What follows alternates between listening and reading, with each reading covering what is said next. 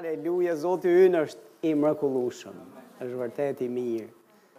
A keni marrë Biblën me vete? Haleluja. Hebrenjve kapitulli 12 vargu 14. Hebrenjve 12 vargu 14 lexon në këtë mënyrë, thotë kërkoni paqe me të gjithë dhe shenjtërim. pa të cilin askush nuk ka për ta parë Perëndinë. A mund ta lexojmë njëzëri së bashku? Sepse do jemi duke folur pikërisht për këtë të vërtetë. Dhe lutem që sot Zoti t'ju japë zbulesën e kësaj të vërtete. Që kjo e vërtetë të bëhet pjesë e jetës tënde. Të bëhet haleluja, të jetë në themel, të jetë në qendrën e e, e karakterit tënd. Haleluja. Le ta lexojmë gjithë së bashku njëzëri. Kërkoni paqe me të gjithë dhe shenjtërim, pa të cilin askush nuk ka për ta parë Perëndinë. Haleluja. Sa prej nesh duam ta shohim Perëndinë. Haleluja. Perëndia mund të shihet. Dhe ai ka dëshirë që të shihet. Ai do që të shihet, ndryshe nuk do ishte këtu. Por ka kushte për ta parë Perëndinë. Dhe kur flasim për të parë Perëndinë, nuk jemi duke folur që ne do e shohim me sy të lirë Perëndinë, sepse me sy të lirë do ta shohim kur të jemi në qiell. Dhe ka disa ka një dimension dhe ka dimensione të Perëndisë, të cilat nuk do t'i shohim asnjëherë në këtë botë. Sepse kemi një trup që është i paaftë e i pamundur t'ia dalë, të përballojë të parit e Perëndisë, në plotësinë e vet. Por Perëndia mund të shihet në dimensione dhe mund të shihet në anë të cilat ai na lejon të shohim, t'i shohim ato. Dhe ai në fakt ka dëshirë që t'i hapë sytë tanë, të na ndriçojë sytë e mendjes tonë, të na i hapë sytë që ne të dallojmë, që ne të shohim, që ne të përjetojmë lavdinë e tij, të përjetojmë praninë e tij, të dëgjojmë zërin e tij, Të shohim Perëndinë në veprim. Ta shohim në veprim në jetën tonë personale. Ta shohim në veprim në kishë kur ne mblidhemi së bashku. Ta shohim në familje në jetën tonë kur ne nuk jemi në orar kishe dhe në takim shërbese. Ta shohim duke vepruar në kombin tonë. Haleluja! Perëndia dëshiron që ta shfaqë lavdinë e vet. Për këtë arsye, na thotë e para e Gjonit 3:8, për këtë arsye Biri i Perëndisë u shfaq. Biri i Perëndisë u premtua që do vinte një ditë që do shfaqej. Biri i Perëndisë u shfaq kur erdhi fizikisht në tokë dhe ishte Biri i Perëndisë. Haleluja, i vetëmlinduri, plot hir dhe lavdi, thotë, dhe ne e soditëm, e soditëm lavdinë e tij, e pamë lavdinë e tij, sepse ai vetë e shfaqi veten e vet, e bëri veten e vet të dukshëm, sepse deshi që njerëzimi dhe njerëzit ta shohin. Tani nëse Perëndia deshi që ta shohë bota, sa më tepër dëshiron që ta shohin të tijtë, ta shohë kisha, ta shohin familja e tij, ta shohim ne që kemi besimin te Jezusi. Tek Gjoni kur Jezusi para se të largohej në qiell dhe kur Jezusi ishte me dishepujt, një nga gjëra që u tha është e tillë, për pak kohë nuk do më shihni, por do të vijë koha ku do më shihni përsëri. Po tek Gjoni, besoj kapitulli katërmbëdhjetë, Jezusi tha, Unë do t'u dëftehem atyre të cilët më duan mua. Ata që kanë besimin te Jezusi dhe e duan, ai tha që do t'u dëftehem. Nuk tha do t'ju fshihem. Po tha do t'jua bëj veten të dukshëm. Do t'jua bëj veten Të zbu, do e zbuloj veten para tyre në mënyrë që jo vetëm ta njohim, po dhe ta shohim. Dhe kur jam duke folur këtë, nuk jam duke thënë që domosdoshmërisht ne do ta shohim fizikisht Jezusin të na shfaqet dhe ne do e kemi një përjetesë të tillë. Megjithëse edhe kjo mund të mos nuk është e përjashtuar. A jeni duke më dëgju? Kjo nuk është e përjashtuar, por është në zgjedhjen e Zotit, është në zgjedhjen e Perëndisë, sepse s'kemi askund premtim te mënyra se si ai na e bën veten të dukshëm. Se si ai na bën që të shohim dhe çfarë na bën të shohim, përveç se ai premton se ne do ta shohim. A do na shfaqet fizikisht? A do e demonstroj prezencën e praninë e vet? A do e shfaq vet, a do e duke vepruar me fuqinë e lavdinë e vet dhe e bën veten të dukshëm në këtë mënyrë, apo shfaqet fizikisht është në dorën e tij. Por ai premton që ne mund ta shohim. Dhe tek ky varg fjala na thotë kërkoni paqe me të gjithë. Jo paqe vetëm me ata të cilët ti i do dhe të duan. Në fakt, me ata që të duan dhe ti i do dhe që nuk kanë asgjë kundër teje, ti nuk ke nevojë të kërkosh paqe, sepse paqja është aty. Paqja kërkohet me njerëz të cilët nuk janë paqedashës ndaj teje. Nuk janë paqerujtës ndaj teje. Nuk janë nuk janë aspak ë uh, njerëz të rehatshëm dhe njerëz të cilët janë të dashur, të mirë, Edhe që duan ty. Por fjala thotë kërkoni paqe me të gjithë. Pa përjashtim, me të gjithë. Me të gjithë përfshin njerëzit që janë brenda në kishë dhe njerëzit që janë jashtë kishe. Të gjithë hyjnë tek të gjithë. Nëse janë njerëz, Njeriu i Zotit që shkruan këtë varg thotë kërkojeni paqen me të gjithë dhe jo vetëm kërkoni paqen me të gjithë thotë por kërkoni dhe shenjtrim. Dy gjëra. Nëse duam që ta shohim Perëndinë si kishë apo individualisht.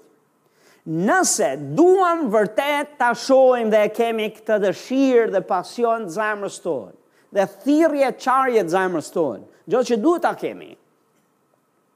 Shkrimi na thotë ka kusht.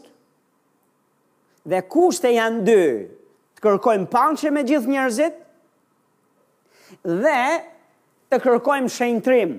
Dhe fjala na thotë pa këto të dyja askush s'ka për ta parë Perëndinë.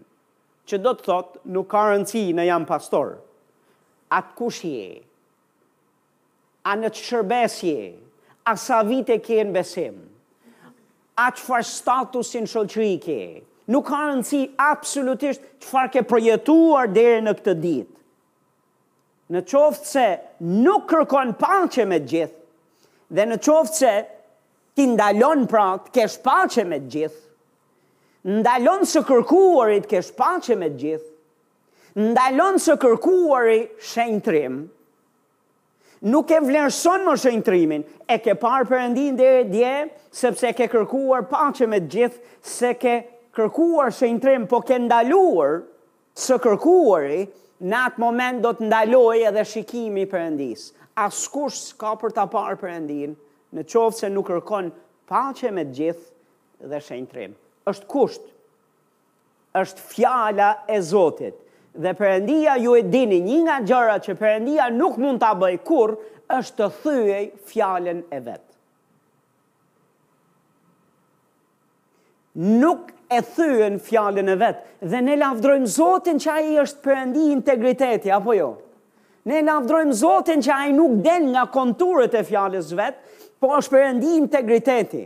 Po ne duam herë mbas here që ai të jetë perëndi integriteti kur vjen puna që ne jemi në nevojë dhe kërkojmë i kërkojmë atij ndihmë dhe duam që ai të mbajë fjalën e premtimet e veta dhe të ndërhyjë në favorin tonë. Dhe po këtu ne i mshojmë fort e jemi të, jemi kërkues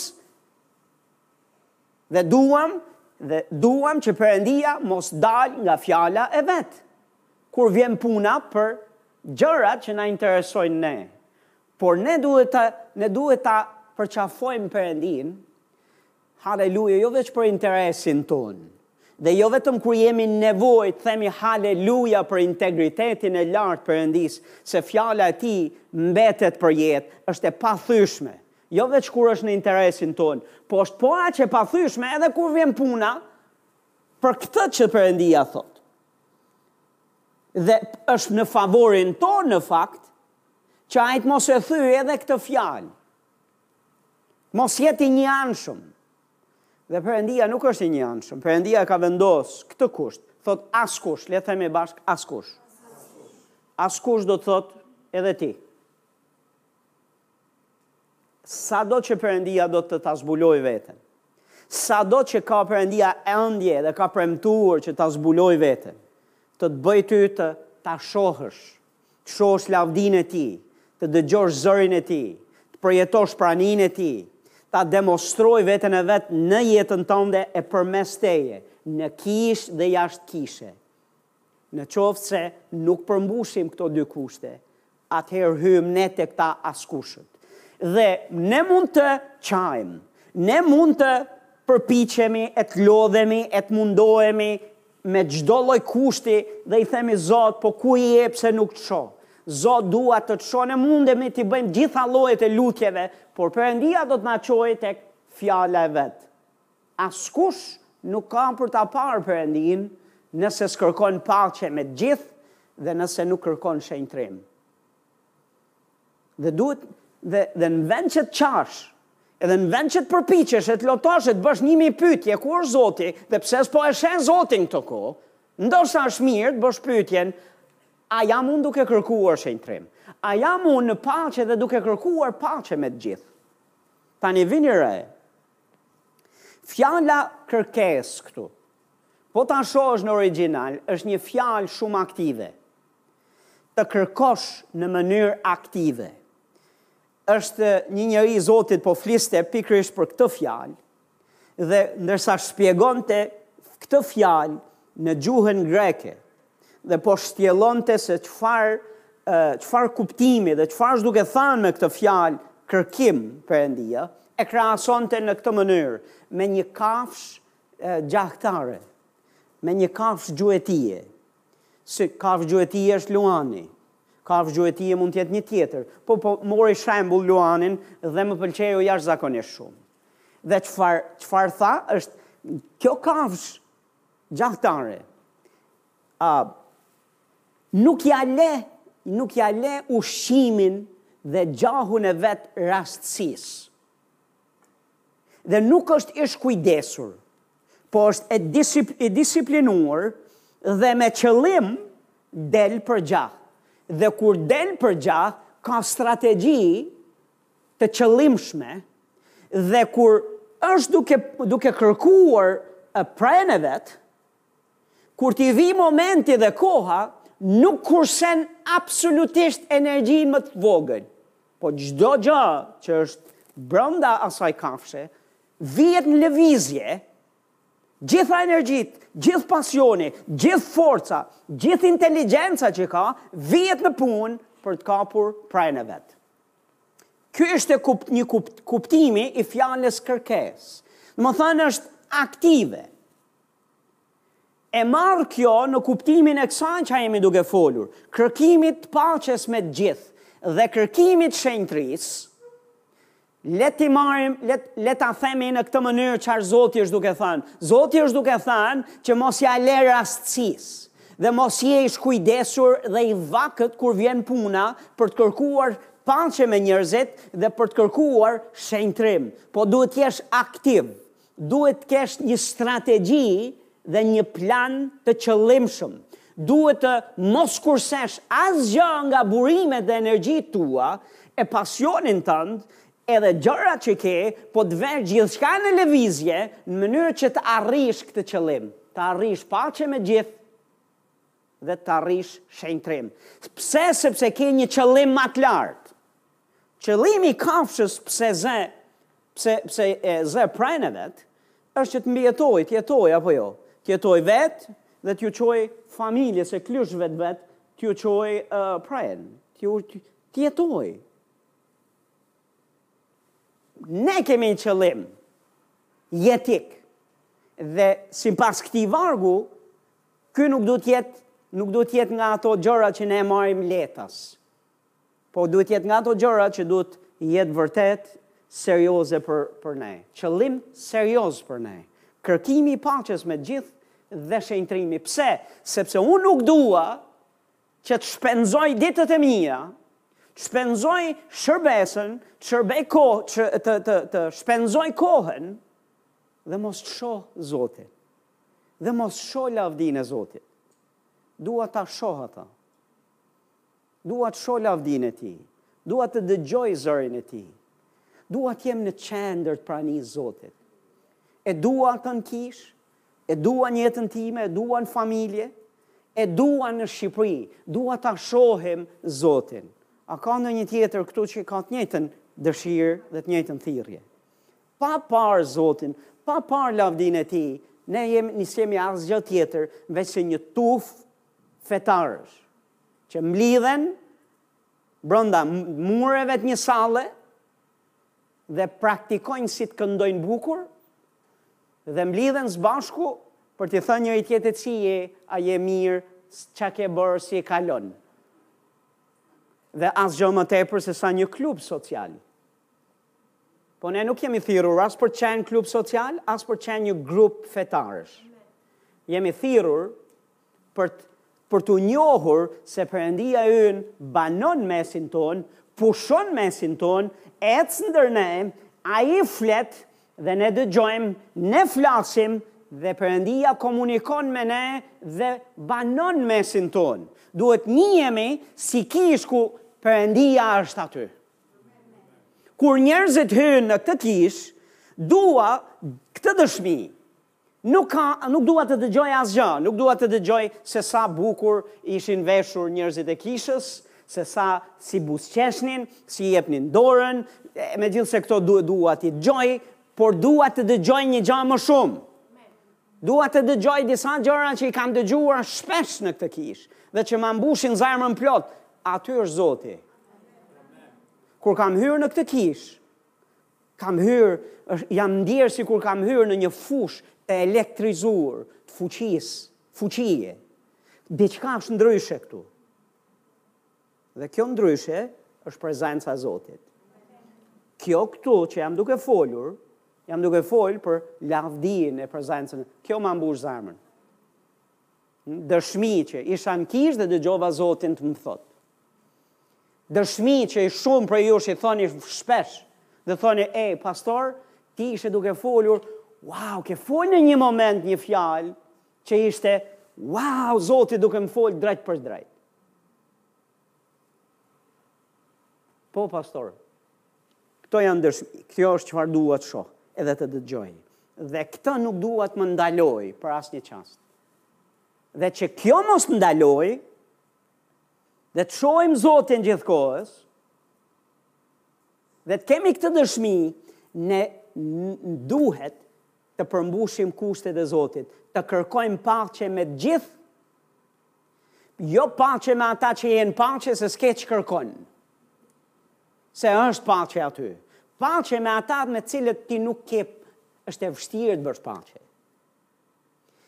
me ata të cilët ta sfidojnë paqen, me ata të cilët janë armiqtë e tu, me ata të cilët ta acarojnë nervat, me ata të cilët janë vazhd, vazhdimisht armiqësorë, kundërshtues, arrogantë, fjalë fjalë ashpër.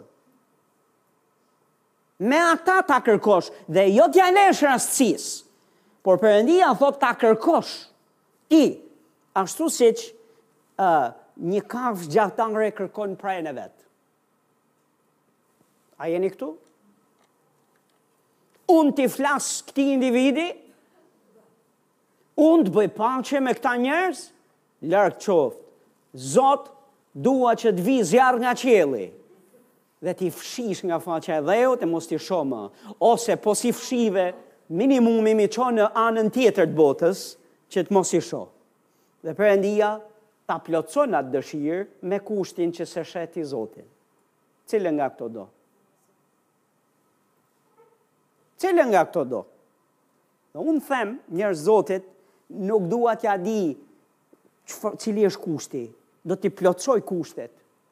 Do t'i plotësoj kushtet që Zoti më vendos, sepse kam një qëllim më të lartë, nuk dua që askush të hyjë mes meje dhe Perëndisë tim. S'dua që askush të më ndalojë zërin e Zotit, praninë e Zotit, lavdinë e Zotit, edhe zbulesat e Perëndisë. Nuk dua t'ja jap këtë autoritet dhe pushtet asnjeriu. Dhe nuk du t'ja di kush është ai njeri që më sfidon, e më ka, ka sfiduar jetën tonë, e jetën time, nuk do t'ja jap këtë mundësi askujt. Dikush thotë amen. A jeni këtu apo jo? Këto dy kushte janë shumë të rëndësishme nga Zoti që ne ta kërkojmë, t'i kërkojmë me gjithë zemër. Romakët kapitulli dymbëdhjetë, le të shohim së bashku, Romakët dymbëdhjetë, vargu shtatëmbëdhjetë deri në njëzet e një. Romakët dymbëdhjetë, shtatëmbëdhjetë deri në njëzet e një. Ti mund të thuash, o pastor, po, Ti je duke thënë që ne të kërkojmë paqe me të gjithë, po jo të gjithë duan të kemi paqe. Shiko, Perëndia nuk tha që ti nuk do ta shohësh lavdinë e Zotit në qoftë se s'ke bërë paqe me të gjithë. Por thotë nëse s'kërkon Nëse ndalon, nëse bëhesh i mefshtë, i ngathtë dhe e nxjerr nga stili i jetës tënde, pushon së kërkuari, atëherë nuk e sheh. Por, nuk është vetëm në dorën tonë të bëjmë paqe me gjithë njerëzit. Ti mund të duash të bësh paqe me gjithë njerëzit, po jo gjithë njerëzit duan të bëjnë paqe me ty. Dhe Perëndia nuk penalizon jetën tonë, pse s'do tjetri të bëjë paqe me ne?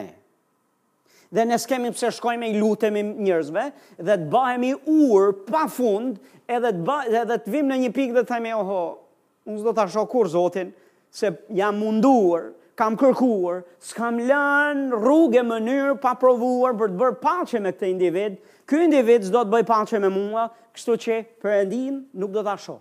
Jo jo jo jo Perëndia thotë kërko nuk tha nëse s'e arrin sepse shi se çfarë thotë Romakët dymbëdhjetë Romakët dymbëdhjetë thamë vargjet shtatëmbëdhjetë deri njëzet e një mos ja ktheni kurrkujt thotë të keqen me të keqe kërkoni të bëni të mirën përpara gjithë njerëzve Më thënë e njëjta fjalë kërkoni, do të thotë si mund të kërkosh, si mund të bësh paqe me gjithë njerëzit?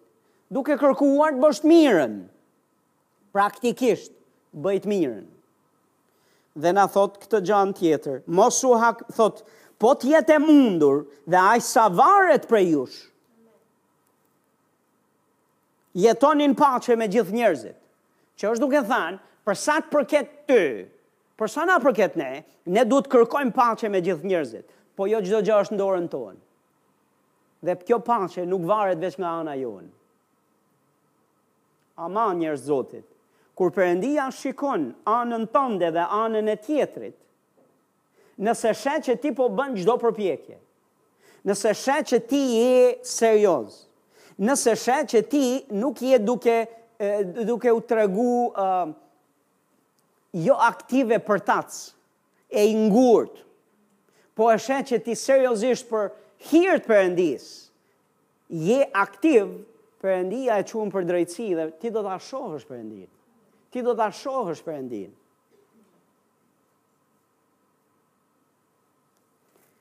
Fjala thotë, mos u hakmerrni për veten tuaj o të dashur. Jet thotë, por jepni vend zemërimit Perëndisë, sepse është shkruar, mua më përket hakmarrja, unë kam për të shpaguar, thotë Zoti. Shumë herë besimtarët kur e lexojnë këtë varg, themi, u, uh, haleluja, Perëndia do të hakmerret për mua, Perëndia do t'ia tregojë qejfin atij edhe asaj. Se Bibla thotë, Unë nuk do hakmerrem, po të le Zotin. A e keni, e, nuk, ke plot besimtarë që e thonë, unë nuk do hakmerrem, por Perëndia do të hakmerret. Nuk është vargu dhe nuk është konteksti këtij shkrimi kështu.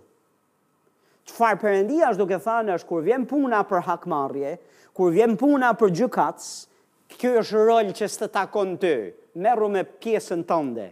M'i le mua gjërat që më takojnë mua. Dhe a do hakmerret Perëndia? Dhe a mund të hakmerret Perëndia? Dhe a hakmerret Perëndia? Po. Po kur? Kur ia kanë mbushë njerëzit kupën. Dhe ti je më i pari që e ke mbushë kupën.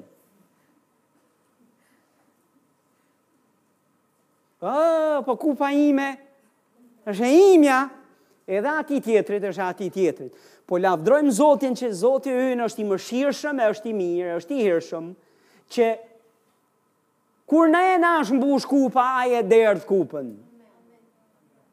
Pa fund. dhe jep mëshirë edhe jep hir ndaj jetës tonë. Dhe nëse ai jep mëshirë dhe hir ndaj jetës tonë, ne duhet të jemi të mëshirshëm. Fjala thotë tek Mateu, lum ai që është i mëshirshëm, sepse do të gjejë mëshirë.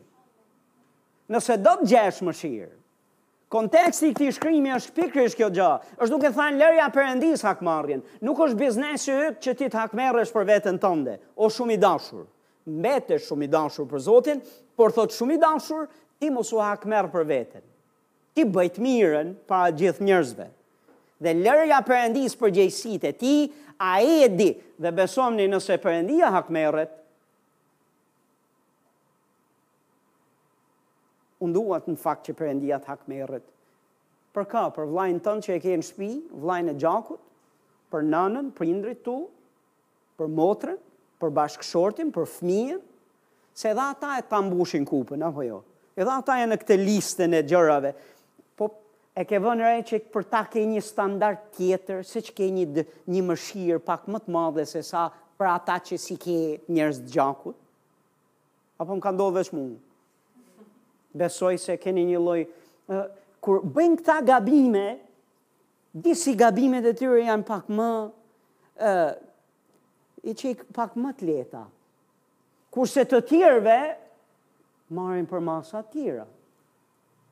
Njerëz zotit për perëndinë të gjithë janë të gjithë si tutë si tjerët dhe perëndia ka mëshirë për të gjithë a jeni këtu dhe thotë vargu 20 në qoftë se armiku yt pra ka uri jepi thotë të hajë në pastë etje jepi të pijë sepse duke bërë këtë do të grumbullosh mbi krye të tij thëngjij të ndezur Vargu njëzet e një thotë mos u mund nga e keqja, por munde të keqen me të mirën. Sepse ju bëtë pyetjen, Pastor, do kërkojmë paqe me të gjithë, si ta kërkojmë praktikisht? Çfarë duhet të bëjmë? Praktikisht, pastor, Romakët dymbëdhjetë, këto vargje na e tregojnë çfarë duhet të bëjmë. Bëj, bëj të mirën, mos u hakmerr për veten tënde, Lëri perëndisë hapësirë të jetë perëndi.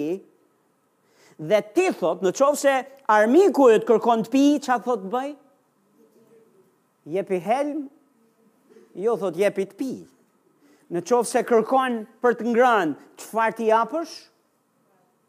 Hamos, apo do t'i japësh për të ngrënë. Bibla thotë, jepi për të ngrënë, jepi për të pirë, dhe thotë dhe një gja shumë të bukur, thotë në këtë mënyrë ke grumbulluar thëngjij të, të ndezur mbi kryet e vet. E kam dëgjuar në kishë edhe këtë të interpretuar. Të interpretuar në këtë mënyrë, thëngji të ndezur në kokë, që do të thotë do të vuaj. Vuajtje, hakmarrja e Zotit, do të vijë zjarr mbi të, mbi atë njeri dhe do të digjet. Ja, pastorja thot, për këtë të kanë rënë flokët ty. Kështu është kur grumbullojnë thëngji.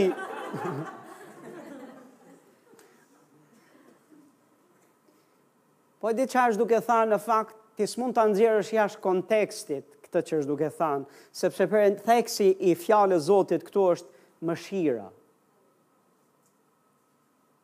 Theksi i fjalës Zotit këtu është duke është është të ta çosh dikë me vepra të mira, ta zgjosh, dhe këta thëngjijtë e ndezur është duke folur se mos i ndizen pak radarët, dhe fillon e kupton nga mirësia që ne tregojmë, nga mirësia që ti tregon, të vijë ai njeri në pendesë. Që ai njeri të ndryshojë. Ne nuk i ndryshojmë njerëzit duke u hakmarrë ndaj tyre, duke u zemëruar me ta. Sepse kjo është mënyra se si fryma e kësaj bote vepron. E di ça na ndryshon ne nga bota, dashuria që kemi për ta. Dhe kur e japim dhe pa e merituar. Dhe kur ne bëjmë të mirën kur ata bëjnë të keqen. Dhe kur ata bëjnë të keqen, ne bëjmë të mirën, e bëjmë të mirën, e bëjmë të mirën deri kur, pastor, derisa të mundim të keqen. Dhe e mira e mund të keqen. Është forcë që ka bekimin e Zotit. Sillet dikush keq ndaj teje. Është e vështirë të bësh paqe me armiqtë. Është e vështirë të bësh paqe me disa njerëz të cilët ë uh, janë arrogant, arrogant dhe flasin dhe bëjnë gjëra të cilat ta bëjnë të vështirë të kesh paqe me ta. Por Bibla thotë ti kërko paqe me të gjithë. Se ke një qëllim më të lartë të shohësh Zotin. Dhe më besoni nuk ja vlen që ti të prishësh zemrën, të dalësh të të të mëkatosh në marrëdhënie me njerëzit me kosto të lartë sa të ndalosh së pasuri jetën së pasuri një jetë të shëndetshme në prezencën e Zotit. Nuk ja vlen. I ligu e di këtë të vërtetë. Kjo është arsyeja pse sjell njerëz që të acarojnë. Të vendosë rreth rrotull njerëzve të cilët përflasin, të përgojojnë, mashtrojnë, gënjejnë, janë xhelozë, acarojnë, nuk du, duan të të shtyjnë me bryla, me çdo lloj mënyre, ja, të urrejnë. A ju ka rastis nanjherë që t'ju urrejnë ca njerëz dhe ti ke bërë pyetjen, mor njeri, po ç'i kam bërë këtij individi? Se unë s'i kam bërë asgjë të keqe. Një herë, në radhë të parë as s'kemi pas naj marrëdhënie deri tani. T'i jap naj shans a naj mundësi për të më urry. Pa shkak. Jo pastor, ka shkak. I ligu është mbrapa. Dhe është duke të ftuar ty, është duke të tunduar ty, që ti të biesh pre dhe të sillesh me të njëjtën monedhë, ti të sillesh keq. Ti të mos jesh paqebërës, ti mos bësh të mirën, ti të hakmerresh e të zemërohesh, ti t'ja tregosh qejfin e t'i tregosh se sa i fortë je. Po kishës së Zotit nuk i ka hije, se po ramë pre e këtij tundimi, i ligu në këtë mënyrë, jo veç se të dëmton ty, do të dëmtojë imazhin tonë, po do të dëmtojë edhe këtë lidhjen e ngushtë me Perëndinë. Arsyja pse kisha është në botë, është këtu, është për të dhënë njerëzve, për t'u dhënë njerëzve jetë. për t'i bekuar. A i dini se Bibla flet për frutat e frymës, te Galatasit 5, dhe po të lexoni frutat e frymës, i thotë fruta, ne jemi pema që prodhon fruta, dhe ato fruta, fryma e Zotit, i kultivon në frymën tonë që të dalin prej nesh. Dhe këto fruta janë dashuria, mirësia, durimi, Mirëdashja, mirësjellja, e me radhë. Po po t'i vësh re, këto fruta nuk janë t'i hash ti. Ti je pema, ku tjerët do të hanë prej kësaj peme. Tjerët do të hanë nga këto fruta. Ti i prodhon. Ti prodhon durim dhe tjerët përfitojnë nga durimi që prodhon ti. Oh. Po po, mirësia jote e e imja i prin njerëzit në pendesë. Këtë na thotë Fjala e Zotit, tek Romakët kapitulli dy, vargu katër, Bibla thotë, mirësia e Perëndisë prin, i, na prin në pendim. Kjo është mënyra, mënyra e jashtëzakonshme e Perëndisë. për të zbutur një zemër të ngurtë dhe për të sjellë njerëzit në pendesë. Dakord? E thënë kjo, Perëndia atë çfarë është e gabuar nuk e quan e drejtë. Gjërat që bëjnë tjerët që s'janë të mira, padrejtësitë që bëjnë tjerët, Perëndia nuk po i miraton. Dhe nuk po tregohet i padrejtë që po të kërkon ty të bësh këtë pjesën këtu. Po besomëni ia vlen, ia vlen, sepse ti do të shohësh lavdinë e Zotit, do shohësh Zotin, dhe nuk ia vlen të sakrifikosh, hm, të prishësh zemrën tënde, të dalësh dhe të mëkatosh, dhe në kosto pra, të, të marrëdhënies tënde me Perëndinë, thjesht për një zemrim të çastit, thjesht për të treguar, për të ecur, për të operuar në mish, Pak kohë. Jo jo fare, as pak kohë. Duhet të kërkosh paqe me të gjithë njerëzit. Luka nëntë vargu pesëdhjetë e dy deri në pesëdhjetë e gjashtë Bibla thotë që Jezusi po kalonte nëpër në një fshat samaritan dhe po shihte thotë nga Jeruzalemi. Dhe samaritanët u zemëruan, nuk e pëlqyen fare as pak këtë veprim dhe nuk e pranuan thotë Zotin Jezus. Nuk e pranuan fare në fshat. Nuk e lanë as të flasë, as të bëjë asgjë nga gjërat që bëri kudo tjetër. Dhe dy dishepujt, dy bijtë e Zebedeut, bijtë e bubullimës, mm, zemërakë, këta thanë këtë gjë, a t'i lutemi Zot, a të lutemi që të vijë zjarr nga qielli dhe t'i fshijë nga faqja e dheut këta, Si në kohën e Elias. Mo, të vijë zjarri nga qielli dhe ta shkrijë gjithë këtë fshat. Dhe Jezusi u kthye dhe i qortoi dhe u tha ju nuk e dini nga çfarë fryme jeni. Biri i Perëndisë, biri i njeriut nuk erdhi për të shkatërruar shpirtrat e njerëzve, por që ata të shpëtohen. Më misioni i Perëndisë dhe i kishës nuk është të shkatërrojë njerëzit. është që t'i shpëtojë ata. Dikush thotë amen. Shini një gjë shumë interesante tek Zanafilla 32, a mund shkoni te Zanafilla 32, do ju flas pak për një rast shumë interesant në Bibël. Sa prej jush keni dëgjuar për Jakobin. Jakobi Ishte binjak me Esaun. Dhe kur lindën, Jakobi doli i dyti, i pari dhe i parëlinduri ishte Esau. Esau trashëgonte simbas simbas ligjeve hebreje, ishte i par-, si i parëlindur trashëgonte bekimin e Perëndisë. Ky bekim jepej nga ati i tij, Isaku ishte ati i të dyve dhe e trashëgonte dhe kur merrte këtë bekim, Perëndia e mbështeste, Perëndia kujdesej, e mbronte, ishte armik për armiqtë e tij dhe i jepte bekime të mëdha. Dhe kështu linja e bekimit trashëgohej nga i parëlinduri. Dhe Bibla na thotë, që Jakobi, Jakobi, ishte e, e vlerësoi shumë, e vlerësonte shumë parëbirinë. Po ishte i dyti. Edhe si t'ia bëjmë që ta kem unë këtë, këtë drejtë, të drejtën e bekimit. Dhe gjeti një mënyrë mashtruse për t'ia rrëmbyer, për t'ia marrë, Për t'ia marrë Esaut parëbirinë. Dhe Bibla na thotë që kur Isaku ishte i vjetër dhe do t'i bekonte, hmm? e kishin lënë sytë dhe nuk dallonte dot, në një formë mashtruse, es, e, Jakobi mori bekimin e të jatit. Po jo vetëm bekimin e të jatit, ne shohim pak më herët, që një ditë të bukur, Kur vjen Esau në shtëpi, e kishte marrë uria dhe Jakobi po hante thjerrëza.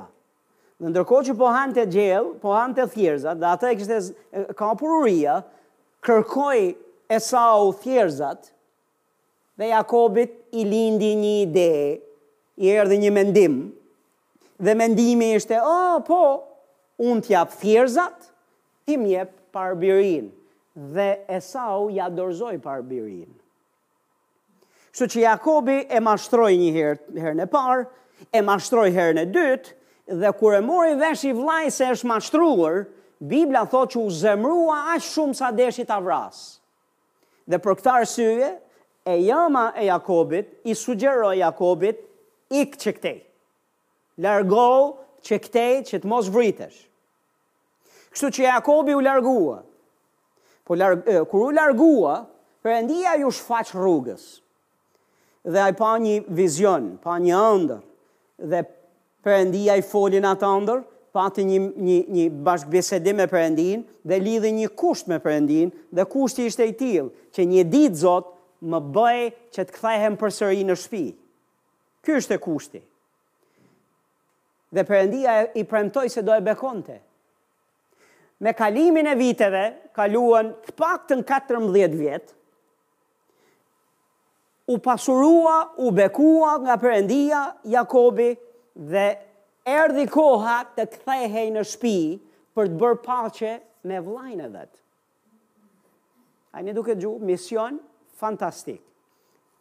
Do kthehej në shpi, tani tashma i bekuar, i martuar me familje, me shërbëtorë, shërbëtore, me bagëti, me bollëk, po do kthehej te i vllai. Nuk e dinte se në ç'gjendje do e priste se si ishte vllai, në ç'gjendje ishte, nëse do e mirëpriste apo s'do e mirëpriste. Në fakt, po të shihni shkrimet, ju do të gjeni se ai ishte i frikësuar dhe ishte i tmerruar nga Esau, sepse akoma në mendjen e vet ishte, Ky vëlla më urren për vdekje.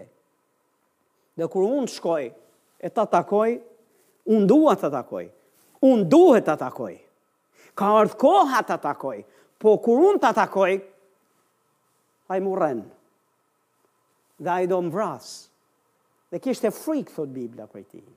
Aq sa tek uh, kapitulli 32, hm, te kapitulli 32 ju do shihni që ai uh, thur një strategji që të dërgojë dhurata, të dërgojë shërbëtorë, të dërgojë dhen, të dërgojë dhurata përpara me me me disa herë, disa grupe në mënyrë që të shkojë ta filtrojë dhe ta ulë disi zemërimin e të vllait që kur të vijë pika që të takohen ballë për ballë, minimumi t'ia ketë zbutë pak zemrën që të merret vesh, të merren vesh me njëri-tjetrin.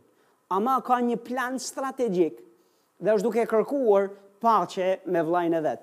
Dhe edhe kjo, qoftë dhe në frikë, apo qoftë dhe domethënë i tmerruar nga gjithë kjo, ai përsëri ka një plan e një strategji, nuk ia ka lënë rastësisë.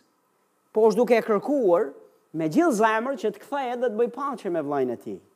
Dhe shihni se çfarë thotë vargu 1 i kapitullit 32. Ndërsa Jakobi vazhdonte rrugën e tij, i dolën përpara engjëjt e Perëndisë.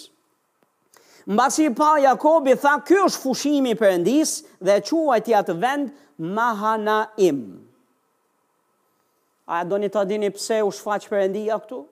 Sepse motivi i zemrës dhe kërkesa e zemrës dhe rruga që Jakobi po ndiqte ishte do shkoj të bëj paqe me vllain. Nëse kërkojmë paqe me të gjithë, Perëndia do të shfaqet. Perëndia nuk do të lejë pa bekimin e mbështetjen e vet. Dhe Fjala e Zotit na thot një gjë shumë të veçantë pastaj që dua të ndaloj pak. Vargu njëzet e katër do ja u lexoj këtë pjesë. Vargu njëzet e katër deri në tridhjetë e dy. Kështu thot Jakobi mbeti vetëm dhe një burrë luftoi me të deri në agim. Kur ky burrë, më falni duhet të shkoj pak vargje më lart se Vargu 21. Kështu thot, dhurata shkoi para Jakobit, por ai e kaloi natën në fushim. Ku e kaloi natën? E kaloi natën në fushim aty ku u shfaqen ëngjëjt. Aty ku ai tha, këtu është Perëndia. Dakord, shkoi në prezencën e Perëndisë. Aty e kaloi natën. Por thot, atë natë Çfarë bëri atë natë? Atë natë ai u ngrit, mori dy gratë e tij, dy shërbëtoret dhe njëmbëdhjetë fëmijët e tij dhe kaloi vaun e dejës. Më falni, kaloi vaun e lumit. Thot Jabok. I mori me vete dhe bëri që të kalonin përruan të gjitha gjërat që zotëronte. Më lini t'ju them një gjë çfarë është duke bërë. Ka dërguar një herë, po të shihni vargjet më lart, ka çuar disa grupe me dhurata. Dhe tani s'ka ngel më veç ai, familjarët e vet, fëmijët, gratë dhe ato gjërat që që zotronte i kishte këtu, çfarë bëri? Atë natë ndenji në prezencën e Zotit, por i lindi një ide. Cila ishte ideja? Ideja ishte që t'ja mbathë vrapit. Ideja ishte t'i marrë këta t'i shpëtojë se kishte frikë nga vëllai vet. Dhe donte të largohej njerëz të Zotit, donte të abortonte, donte të hiqte dorë, nga deri këtu ishte në rregull, duke shkuar për të kërkuar paqe, po këtu ndaloi. Këtu tha, ej, Të shpëtoj fëmijët, të shpëtoj gratë, të shpëtoj ato gjëra që zotroj, të shpëtoj jetën time, po ja mbath vrapit, kaloj në anën tjetër. A jeni këtu me mu? Tashti lexojmë ma poshtë. Kështu thot, Jakobi mbeti vetëm dhe një burrë luftoi me të deri në agim. Fjala luftoi me të është fjalë për fjalë, luftoi njerëz të Zotit. Dakord? Është betejë mes Jakobit dhe këtij burri. Dhe ky burrë nuk është burrë i zakonshëm. Dakord? Shihni se çfarë thotë shkrimi. Kur ky burrë e pa se nuk mund ta mundte, i preku zgavrën e ijes, dhe zgavra e ijes së Jakobit u përdrodh, ndërsa ai luftonte kundër tij. Dhe ai tha, Lërmë të shkoj, se po lind agimi. Por Jakobi u përgjigj, Nuk do të lej të shkosh në rast se nuk më bekon më përpara. Tjetri tha, Cili është emri yt? Ai u përgjigj dhe tha, Jakob. Atëherë ai i tha, Emri yt nuk do të jetë më Jakob, por Izrael, sepse ti ke luftuar bashkë me Perëndinë dhe me njerëzit dhe ke fituar. Jakobi i tha, Të lutem, tregom emrin tënd. Por ai u përgjigj, Pse e do emrin tim? Dhe kështu ai e bekoi. Atëherë Jakobi e quajti këtë vend Peniel, sepse tha, E pashë Perëndinë ballë për ballë dhe jeta ime u fal. Mbasi ai kaloi Penielin, dielli po ngrihej dhe Jakobi çalonte për shkak të ijës. Për këtë arsye, deri në ditën e sotme bijtë e Izraelit nuk hanë gilcën e kofshës që kalon nëpër zgavrën e ijës, sepse ai njeri i kishte prekur zgavrën e ijës Jakobit në pikën e gilcës kofshës. Dhe pastaj më vonë, vargu një, kapitulli tridhjetë e tre, thotë, Jakobi ngriti sytë, vështroi dhe pa që po vinte Esau, që kishte me vete katërqind burra, atëherë i ndau bijtë e tij midis Lejas, Rebekës dhe dy shërbysit, shërbysve të tij, në krye vuri shërbyset, bijtë e tij e kështu me radhë, u pregatit për t'i dalë para vllait vet. Më lini t'jua sqaroj pak këtë situatë. Jakobi ishte duke ecë drejt kërkesës për të bërë paqe me vëllain. Gjithçka ishte ok me të. Nuk luftoi asgjë dhe askush me të. Engjëjt e Perëndisë u shfaqën, që ishte mesazh për Jakobin, Jakob mos ki frikë, ne jemi me ty. Ne do të mbështesim. Gjithçka është ok dhe do të jetë ok. Mirëpo, atë natë Jakobi nga frika dhe ju do shihni vargjet më lart që i kishte frikë nga frika do ta abortojë gjithë këtë rrugë. Do të heqë dorë. A jeni duke ndëgju, do të heqë dorë. Për këtë arsye, luftoi ai burrë gjithë natën me të. Dhe kur pa se nuk po e fiton dot, pse luftoi? Sepse donte ta pengonte, jo Jakob, ti nuk do ikësh këtej mbrapsht. Shko këtej, kjo është rruga. Jakobi në krahun tjetër, ai në tjetrin. Gjithë natën. Dhe kur ai burrë pa që ky e ka nda mendjen, dhe nuk luftohet ma me ta, Bibla thotë që i preku këtë pjesën e gilcën e kofshës, dhe çaloi në atë moment Jakobi. Dhe pastaj duke çaluar, E dinte Jakobi se me këtë këmbë unë nuk i ik dot vllait tim. Në këtë formë unë nuk largohem që këtu. Kështu që çfarë kam nevojë tani është ky burrë me cilin luftova që është i pazakontë, ky duhet të më bekojë dhe u kap pas tij dhe kërkoi bekimin. Dua bekimin dhe e mori atë bekim. Po pse, pse, unë besoj me gjithë zemër, që Perendia luftoi me të për t'i ndryshu mendjen, për ta kthyer drejt paqebërjes, drejt misionit paqebërjes, sepse Perendia ynë është paqebërës. Amen? dhe luftoi me të për t'ia ndryshu mendjen. Dhe kur pa që s'po i ndryshohet mendja, i preku këmbën që të mos ketë nga t'ikë. Po të bëjë paqe dhe të zgjedhë të bëjë paqe, se po ta kishte këmbën në rregull, Jakobi do t'ia kishte mbath vrapit. Po kur doli dielli, thotë pa Esaun me 400 burra, që do thotë tashi s'iki dot më. Ja ku e gjeta veten. A jeni këtu? Ama njerë zotit në shohem që përendia u shfaq. U shfaq në fillim të këtij misioni dhe u shfaq dhe ishte kundër Jakobit momentin që ai donte ta abortonte këtë mision. Ça dua të mësoj pastori me këtë gjë? Pastor, nuk do doje që Perëndia të luftojë me ty, apo jo? Nuk do doje që Perëndia të jetë kundër teje apo jo? Nuk do doje që Perëndia të të të bëjë rezistencë ty apo jo?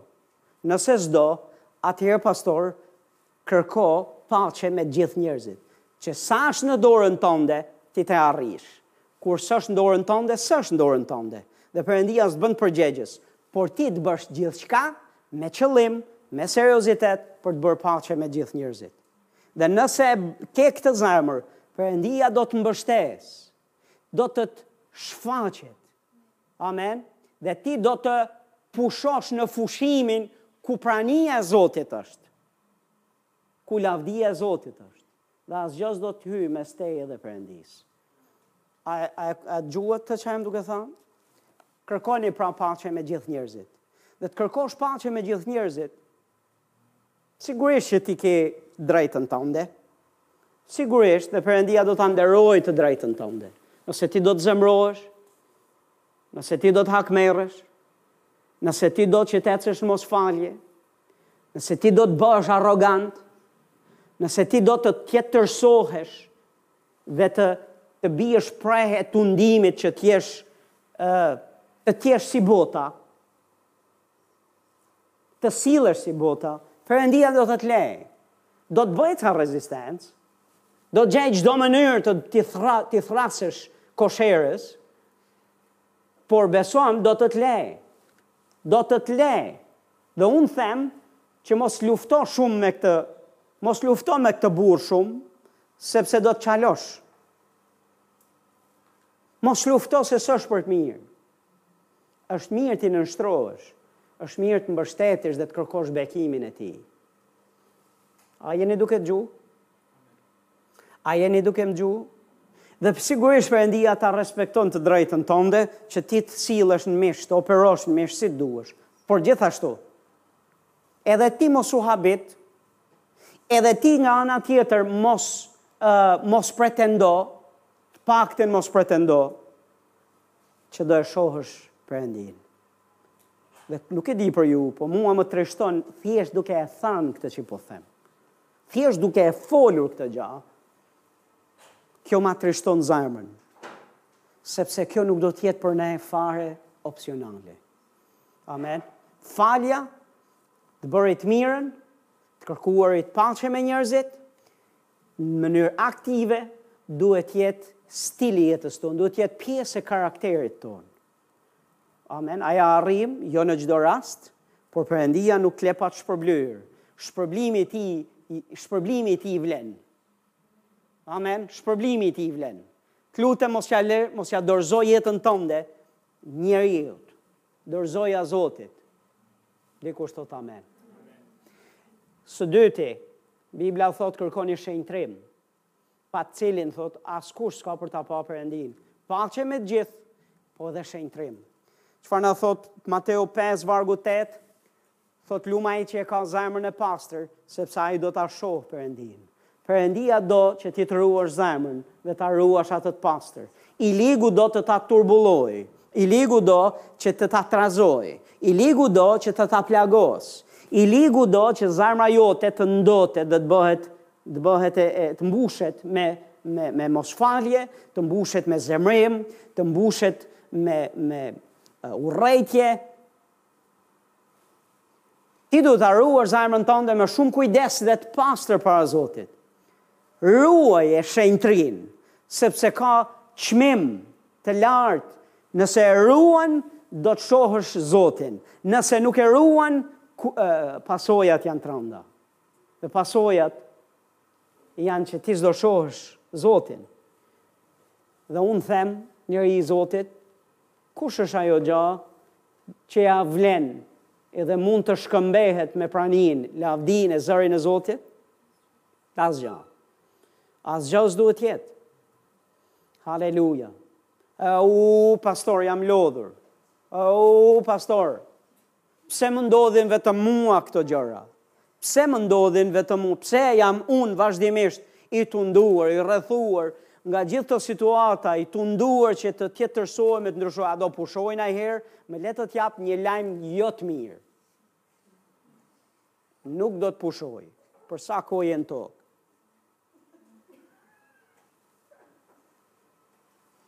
Do të pushojë kur shkosh në qiell. Dhe ti s'ke shku në qiell akoma. Ka ndonjë që do të shkojë në qiell? Jo, apo? Në rregull. Doni të jetoni këtu. Atëherë,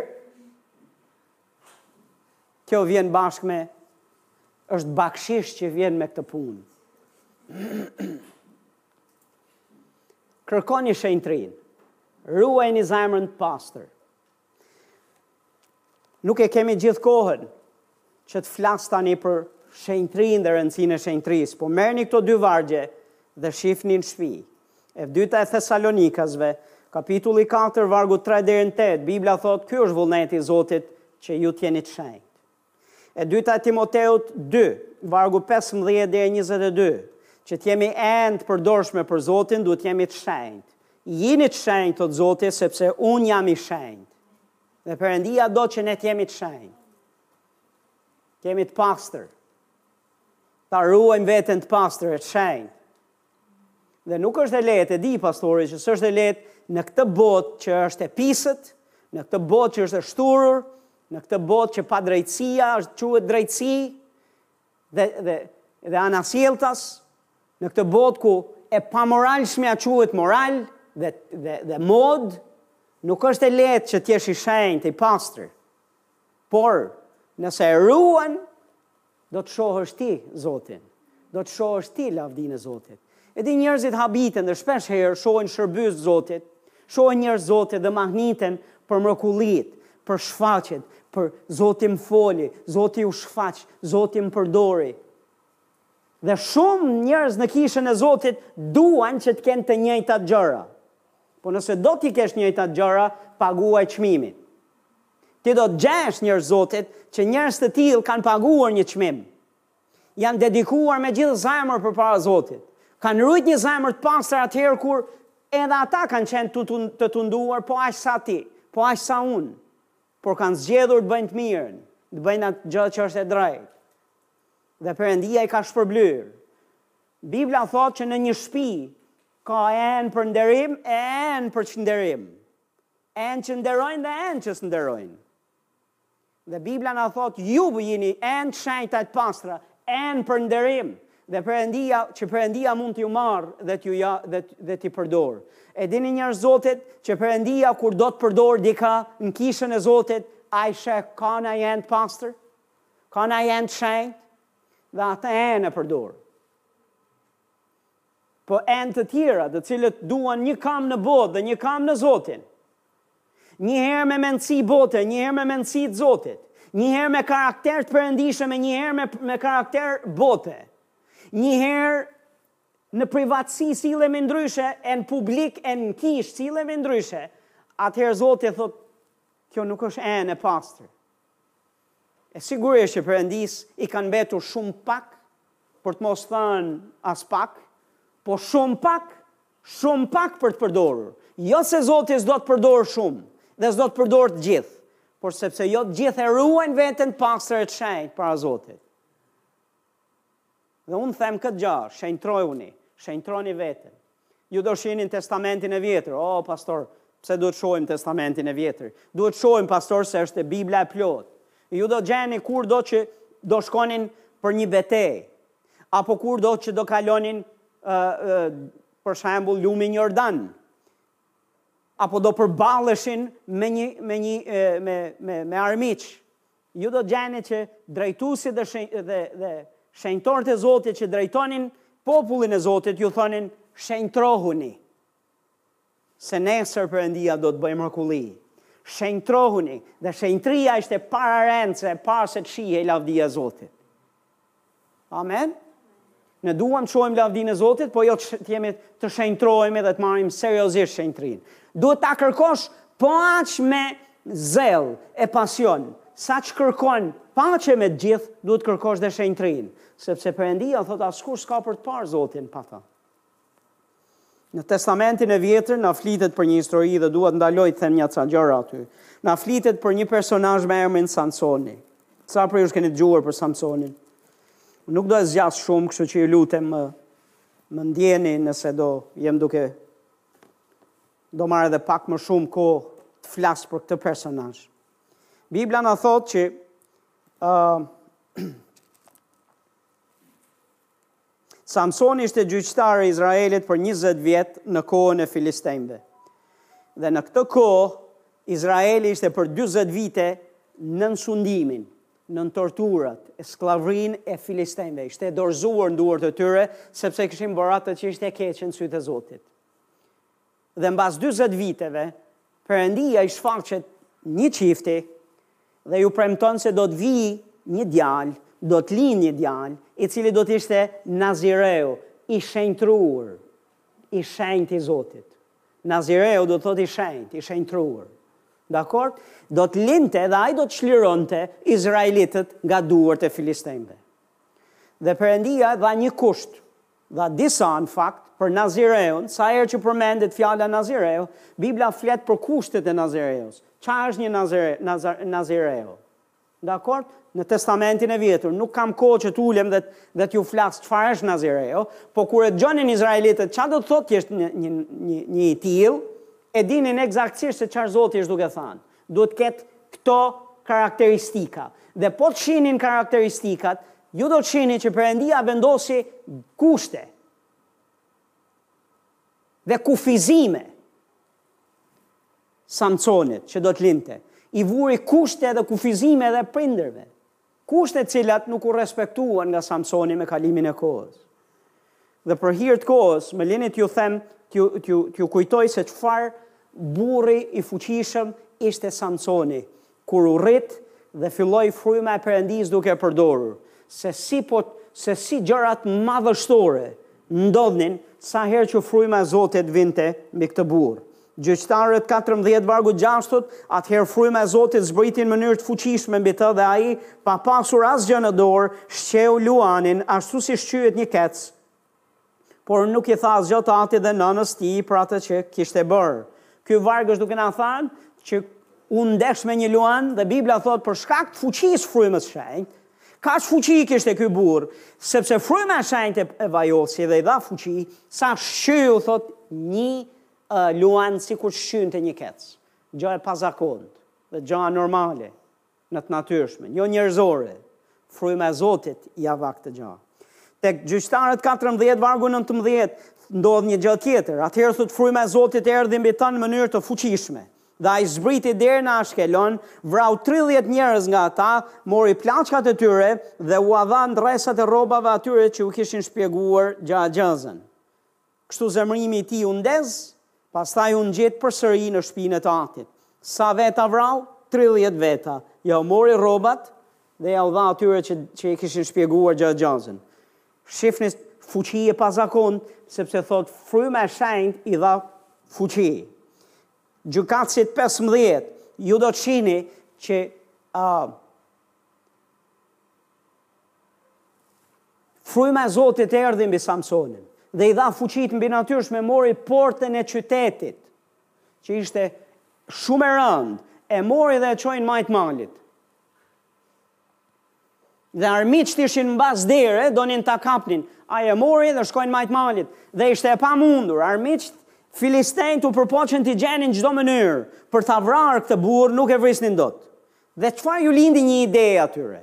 Ideja ishte e tillë, thanë, do të çojmë krerët e Izraelit, do t'i bëjmë ata që të shkojnë dhe ta lidhin dhe të na e dorëzojnë në dorë. Dhe Bibla thotë që krerët e Izraelit shkuan tek Samsoni dhe i kërkuan që të binte në duart e tyre. Dhe Samsoni u tha me një kusht, më lidhni dhe më dorëzoni në duart e në duart e tyre. Ky është kushti, bëjeni këtë gjë. Por Bibla thotë sa erdhën filistenjtë, fryma e Zotit përsëri i zbriti mbi ta. Dhe atij, ai, atij u këputën, thotë, ato zinxhirë, shufra që kishte në dorë, dhe Bibla thotë me një nofull gomari, vrau një mijë filistenj. Dhe pastaj filloi edhe të këndojë, pirgje, pirgje, Pirgje mbi pirgje, nxori një këngë, sepse i shihte se si ishin palosur një mijë filistenj, e pazakontë. Lavdia e fuqia e Zotit kishte ardhë mbi këtë burrë. Mirëpo ky burrë bëri disa gabime. Dhe një gabim për cilin duhet flas tani, Për nji duhet ndaloj pak se ka diçka me me peshë që besoj do do jetë e nevojshme ta shohim.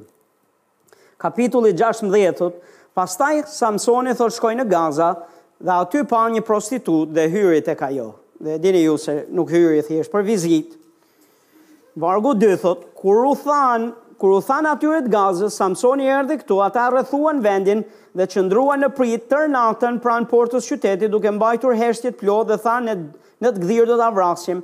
Samsoni ndejti shtrirë, thotë, deri në mesnatë. Pastaj në mesnatë u ngrit, kapi kanatët e portës së qytetit dhe dy shtalkat e tij, i shkuli nga vendi, bashkë me shufrat prej hekuri, i ngarkoi mbi kurriz e i çoi në majtë malit që ndodhet përballë Hebronit. Vargu katër, thot mbas kësaj ra në dashuri me një grua nga Lugina e Sorekut që quhej Delila. Mbas gjithë kësaj, deri këtu, Filistenjt nuk i gjetën asnjë të metë. Dhe nuk është se s'kishte, po nuk i gjetën të metë mjaftueshëm që të mos ishte ma ajo fuqi e frymës Zotit. prezente në jetën e vet.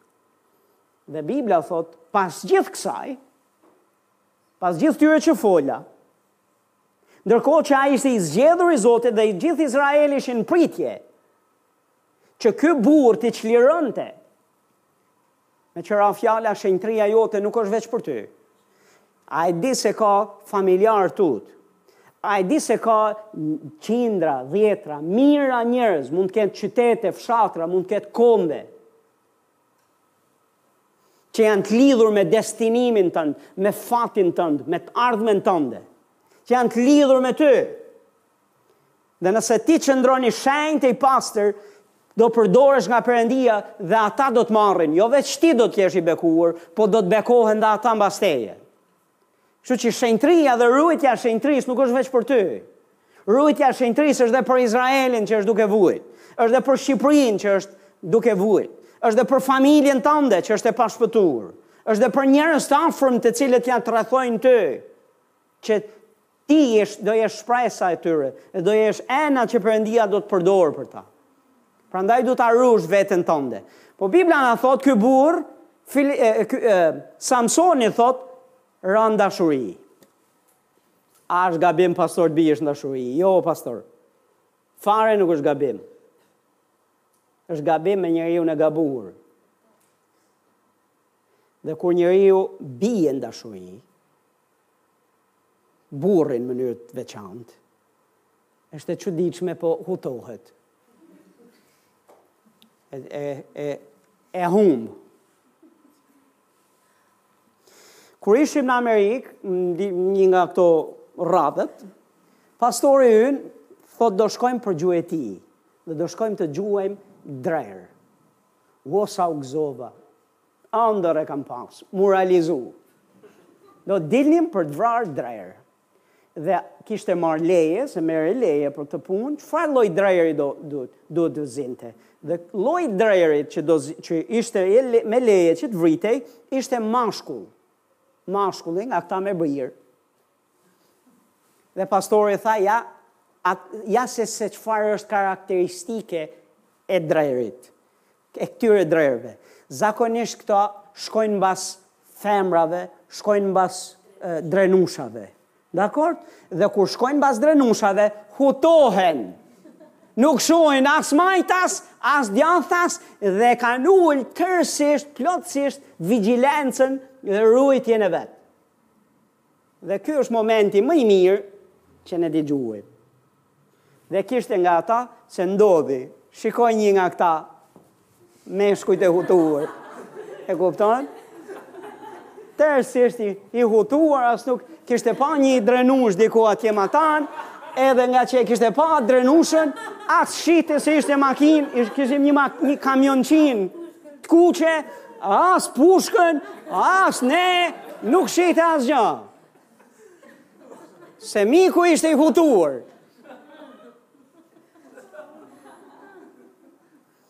E, ça ndodhi, ju do të thoni. Pastor, brirët e atij janë në mur. Për dekor.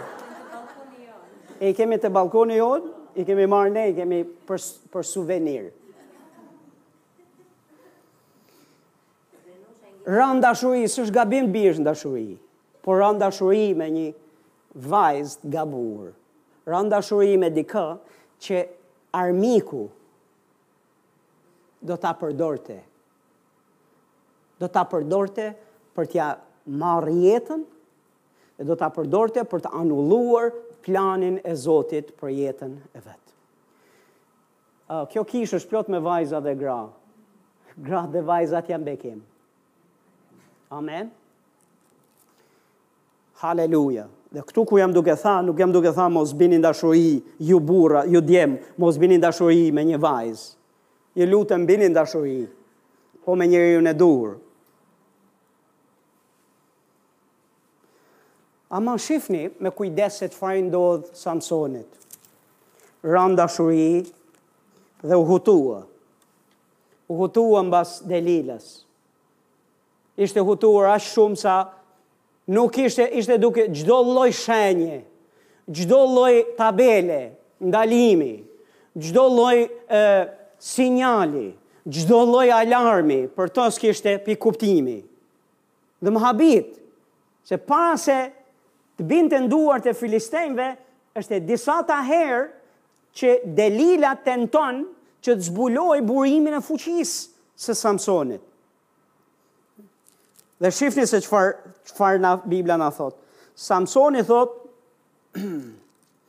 Thotë, atëherë, thotë, princat e filistenjve shkuan te kjo grua dhe i thanë, bëje për vete dhe zbulo ku qëndron tërë ajo forcë e madhe e tij në mënyrë që ta mposhtim për ta lidhur dhe për ta nënshtruar.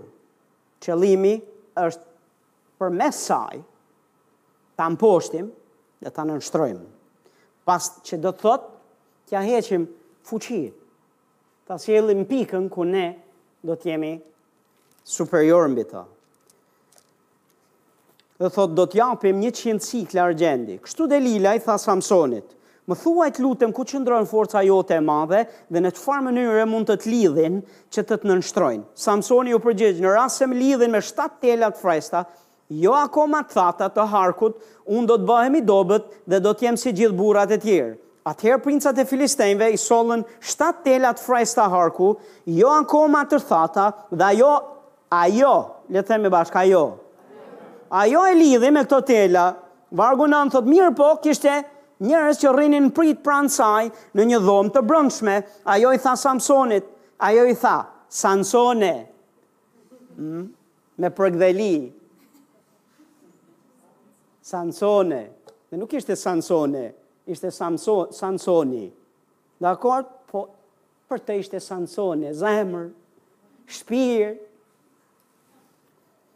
Filistenjtë i ke mbi kokë. Zemër, filistenjtë mbi kokë. Njeriu i gabuar, N'jetë. Mund të jetë burrë, mund të jetë grua. Kur Perëndia, një njeri i Zotit ka thënë kur Perëndia do ta bekojë jetën, dërgon një njeri në jetën tënde. Kur i ligu do ta shkatërrojë, edhe ai dërgon një njeri në jetën tënde. A jeni këtu?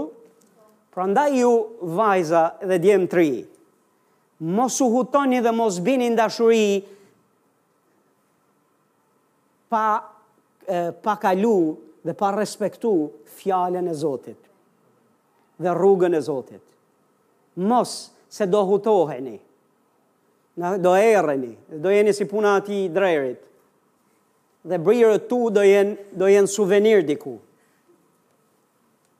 Është shumë serioze njerëz të Zotit. Është shumë serioze.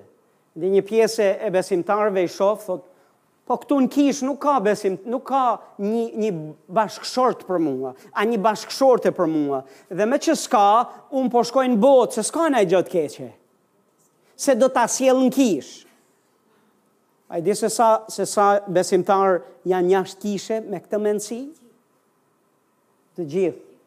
Po, jo, më fal, nuk janë të gjithë. Mbaj mend dikë që dikë që shkoi kështu dhe gruaja e pashpëtuar. U shpëtua dhe erdhi në kishë dhe ai mbeti jashtë kishe. Është një rast. Sa për sa për me qenë në rregull, por me kalimin e kohës janë të ndarë sot. Si? Ajo u martua me një të krishterë më vonë. Po djali?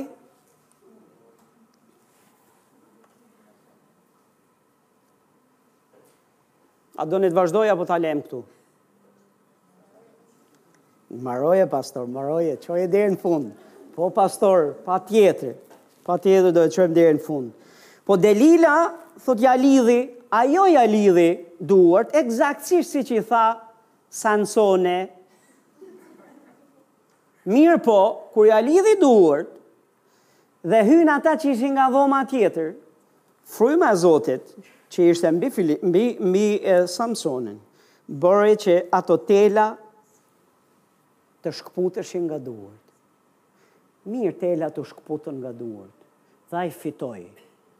Po si nuk i hapen sytë për të thënë, ore, po kjo me të cilën unë po rri dhe fle, që m'i ka fut në dhomën tjetër armiqtë e mi, dhe që më lidhi me duart e veta, kjo tabelë, pse nuk e shoh unë?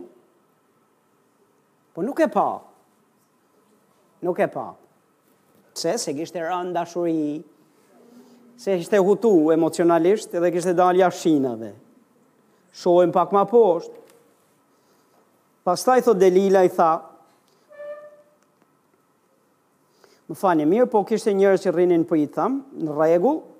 Vargu 10, thotë pastaj Delila i tha Samsonit, "Ja, je tallur me mua dhe më ke treguar gënjeshtra, por tani të lutem më thuaj se me çfarë gjëje mund të lidhesh."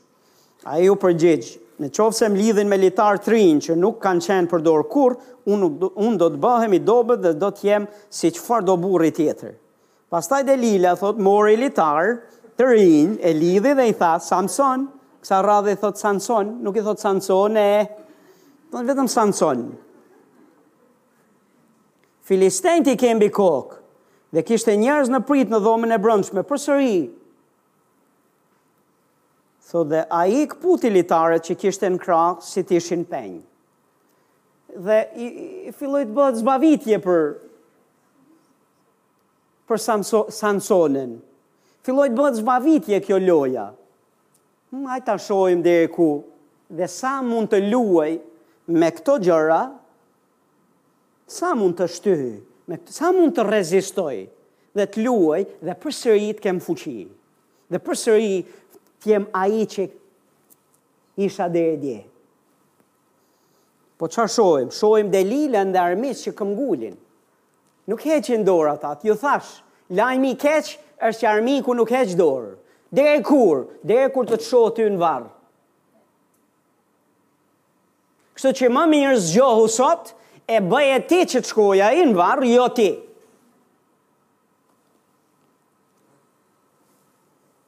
E Bibla thotë pastaj Delila i tha Samsonit, ja je tallur me mua, e pamë, Delila mori litarë të rinj, e lidhi dhe i tha Samson, filistejtë i ke mbi kokë, ai i këputi litarët që kishte në krahë si të ishin penj. Edhe kësaj radhe ia doli. Atëherë Delila i tha Samsonit, hera e tretë, deri tani je tallur me mua dhe më ke thënë gënjeshtra, tregomë me se mund të lidhesh. Dhe ai u përgjigj, mjafton, të thurësh shtatë gërshetat e kokës sime me majën e tezgjahut. Edhe kjo gjë ndodhi përsëri. Është hera e disatë, tabela e disatë, alarmi i disatë dhe ai totalisht e injoroi. Pse, pastor? Se ishte dashuruar. Dhe s'i shihnin sytë dritë. Nuk është asgjë gabim me të qenit i dashuruar, po jo i hutuar. e jo i pakujdesshëm dhe jo të ulësh çdo mburojë dhe jo të vish në pikën sa të, të, ta fshish nga mendja jote faktin që ka një armik atje që do të vjedhë, vrasë e shkatërrojë dhe që urren lumturinë tënde, urren jetën tënde. Jo, këto nuk duhen, këto, kjo mburojë dhe kjo vigjilencë nuk duhet të ulet kurrë. Ok, çfarë thotë tjetër?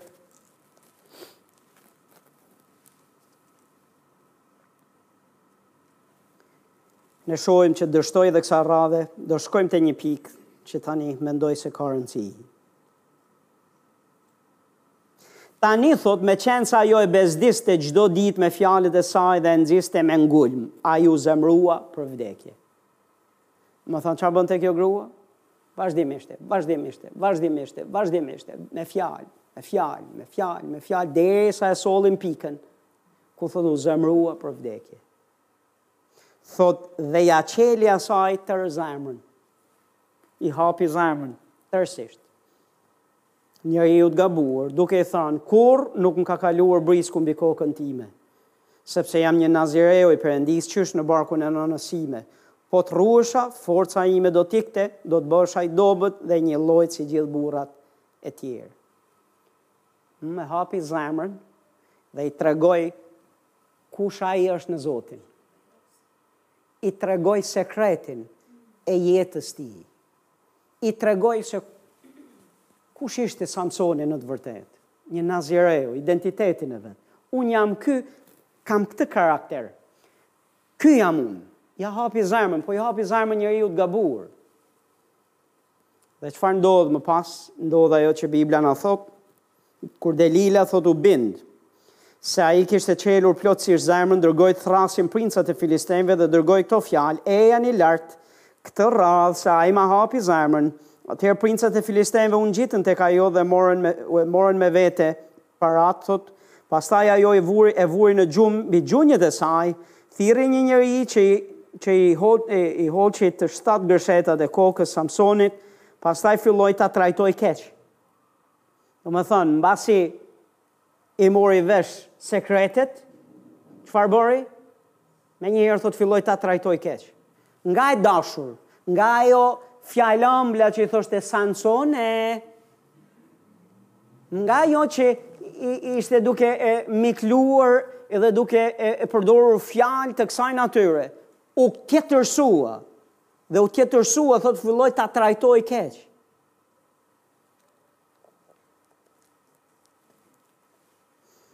Thotë dhe fuqia e tij e la.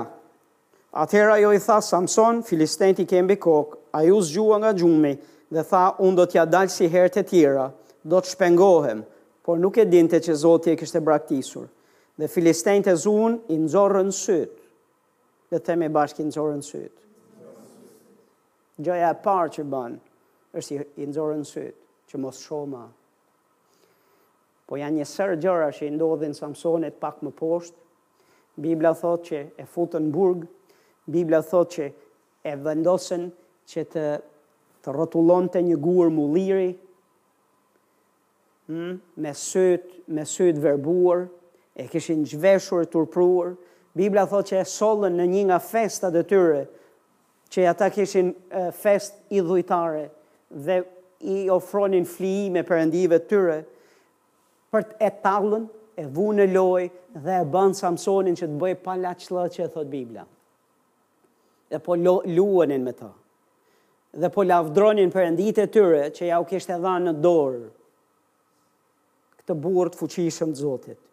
Lajmi i mirë është që këtij burri të Perëndisë i erdhën mendtë edhe pse ishte verbuar, edhe pse ishte në atë pikë dhe Bibla thotë që i thirri Zotit për ndihmë dhe i tha vetëm një herë kërkoj fuqi prej teje. U pendua, Dhe Perëndia ia riktheu fuqinë, dhe Bibla thotë që ai vrau me vdekjen e vet shumë më tepër se ç'kishte vrarë filistenj dhe armiq të popullit të Zotit me jetën e tij, kur ishte me sy e me gjithçka në rregull. Po njerëz të Zotit, i ligu është i lig Dhe prandaj e ka këtë titull. Dhe nuk ngopet derisa të heqë sytë, derisa të shurdhojë veshët, derisa të zhveshë nga çdo pushtet dhe nder, derisa të zhveshë nga çdo të zhveshë nga nga forca jote, të zhveshë, të të lodhë të të të të sfilitë energjitë e tua, se ky është qëllimi pse, fili, pse Samsoni ishte duke, duke rrotulluar uh, gurin e mullirit, dhe nuk reshtin së talluri, dhe nuk ngopen, derisa të shohin totalisht përfunduar. Por njerëz të Zotit, Prandaj duhet, jam duke thënë pastori, ruaje shenjtërinë. Kërko shenjtërinë. Ji i shenjtë, ruaje me jetën tënde, sepse duke ruajt shenjtërinë, po ruan jetën tënde. Po jo vetëm jetën tënde, dhe jetën e shumë të tjerëve që janë të lidhur me destina me thirrjen që Zoti ka për ty, me destinacionin e Zotit në jetën tënde, me planin e Zotit në jetën tënde. Do ta shohësh Zotin? Do ta shohësh Perëndinë e lavdinë e Tij? Të punojë në jetën tënde dhe përmes teje. Pastor, kërko paqe me të gjithë dhe shenjtrim, pa të cilin askush nuk ka për ta parë Perëndinë. O, pastor, na friksove me këtë rënien në dashuri. Jo, pastor, jo, nuk të friksova. Po jam duke thënë pastor mos u huto mbas emocioneve dhe të neglizhosh dhe të lesh fjalën e Zotit mënjanë. Jo pastor, jo, jam duke thënë pastor që mati hapat tua me kujdes. Dhe nëse të ka ndodhë që ti të kesh humë shikimin, të ka ndodhë që të jesh hutur, të ka ndodhë që të kesh hapë zemrën me njeriun e gabur, të ka ndodhë që të është thy zemra. Diku në jetën tënde, të është thy zemra, tani që je në besim, a jashtë besimit, dhe ke vujt pasoja të tilla. Në qoftë se nuk mëson të dalësh nga kjo gjendje, dhe s'e le Perëndinë të të nxjerrë nga kjo gjendje, domethënë do e kesh shumë të vështirë që të ecësh përpara. Po duhet ta lejosh Zotin të të shëroj, duhet të thuash, si, si, ashtu si Samsoni, të thuash Zot, kam gabuar, nuk nuk dallova.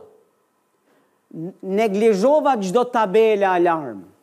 U tregova i papjekur, i pakujdesshëm. E hapa zemrën, e ushqeva veten me gjëra që s'duhet ta kisha ushqy veten time. Dhe më rezultoi që kjo gjë më është kthyer, tani më është kthyer në në në sfidë dhe në sulm. Dakor, dhe ai sulm që ti ndjen është real. Dhe ai sulm tani ka kalu nga njeriu te i ligu. Dakor? Nga i ligu, nga njeriu te i ligu. Dhe i ligu nuk nuk rresh derisa ti të sfilitesh. Derisa ti të vish në pikën sa t'thush ta marrë e mira, kam nejt i shenjt deri në këtë ditë. Boll. Deri këtu. Unë do bëhem si gjithë tjerët. Se të jesh i perëndishëm në këtë botë nuk ecke përpara. Nuk paska, nuk e vlerësoka kush perëndishmërinë. Nuk ka për ta vlerësu i ligu kurrë shenjtrinë tënde, perëndishmërinë tënde. Të bërit mirë, të ecurit sipas fjalës Zotit. Dhe nëse ndihesh i, nëse ndihesh i shtrënguar e i tunduar, dije njeri i Zotit se Perëndia ka hir dhe vaj të madh mbi ty. Se, se i ligu nuk sulmon atje, nuk vjedh, nuk shkon për të vjedh atje ku s'ka gjo për të vjedh. Po, po pse më ndodhin mua këto? Të ndodhin se siç duket paske një destinacion të madh në jetën tënde. Të ndodhin sepse do të thotë që Perëndia paska një plan të madh për ty. Do të thotë që paska jetë njerëzish që janë të lidhur me jetën e fatin tënd. Do të thotë që Perëndia të paska zgjedhur që në barkun e nënës e të ka thirrë me emër, e të ka zgjedhur, të ka shenjtruar e pastruar dhe të ka vendos në në në në planin e tij për të bërë gjëra të mëdha. Ç'është do të thotë pastor. Mos e dorëzo veten tënde, mos e lësho veten tënde. Jo, mos i jep sekretet e jetës tënde dhe mos u lodh.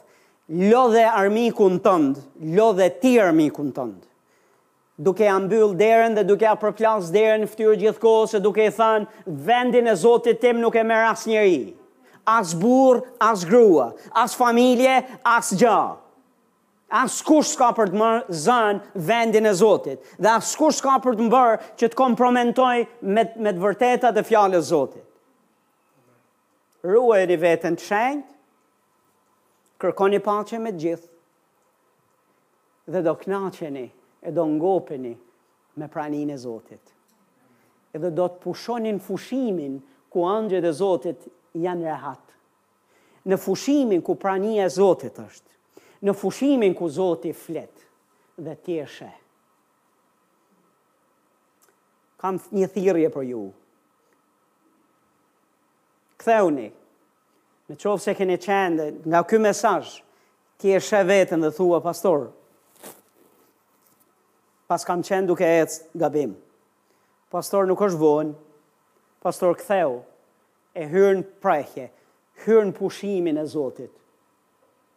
Dhe mos lufto me Zotin dhe mos e detyro Zotin të luftojë me ty.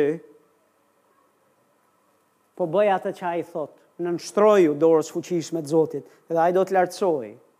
Pastor i rrëzuar, Ok, pastor, i drejti rrëzohet shtatë herë, dhe ti mbetesh i drejtë, Edhe ka të drejtë që rrëzohen. Me, me dëgju pastorin sa herë jam rrëzuar, janë pa fund herët. Disa herë njerëzit i kanë parë rrëzimet e mia, disa herë s'i ka parë askush përveç meje. E disa herë as kjo grua s'i ka parë dhe s'i ka ditur se se jam rrëzuar, sepse janë gjëra të cilat njeriu i kalon në në në frymën e vet. Por gjithmonë Perëndia më ka ngrit dhe Perëndia na ngre dhe na lartëson, sepse kam mësuar që të shkoj të përulem e të bie përmbys para Zotit dhe t'i them Zot, rashë, gabova, faji im, nuk pashë, nuk respektova fjalën tënde, e hapa zemrën me njerëzit e gabuar, besova gjërat e gabuara, Neglizhova çdo alarm tëndin. Tani jam këtu. Kam nevojë për dorën tënde të fuqishme të më ngrejë përsëri. Dhe besomëni pastor, Perëndia pa fund më ka ngrit në këmbë dhe do më ngrejë dhe nuk heq dorë kurrë. Dhe këtë ju them dhe ju, mos heq dorë. Ke ra një herë, çohu prapë. Çohu përsëri. Po po Ky individ ka marrë shumë vite nga jeta ime, ka marrë shumë gjëra të çmuara nga jeta ime që s'më kthehen më. Fale e harroje, pastor. Perëndia mund të t'i japë dyfish e shumë më tepër se sa ç'ti, se sa ç'të janë marrë. Perëndia është Perëndia i vajosjes dyfishtë, i bekimit dyfishtë. Nëse restauroi jetën e Jobit dhe i dha dyfishin e gjërave që humbi, mund ta bëjë dhe me ty. Dhe kur të restaurojë jetën tënde, jeta jote do të jetë aq e bekuar sa kur t'i kthesh sytë mbrapa gati gati do të thuash, Woo! Haleluja Zot, faleminderit që më paskan ndodhur gjithë këto gjëra mua. Sepse i tillë është Zoti. Dhe në fakt Zoti nuk i ka ndodh, nuk i ka bërë ato gjëra, dhe Zoti Zotit i ka dhimbë zemra kur ka ndodhur ato gjëra. Por kaq të bukura do jenë gjërat që ai do bëjë për ty. Dhe kaq e mirë e madhe do të jetë restaurimi i tij, sa ti do të thosh, "Wow, gati gati duket sikur Perëndia e paska orkestruar atë ça t'ka ndodhur ty. Ai rrëzimi e dështimi, Perëndia e paska orkestruar që ti të marrësh një gjë më të mirë." Dikush thotë Zoti ka një gjë më të mirë për mua.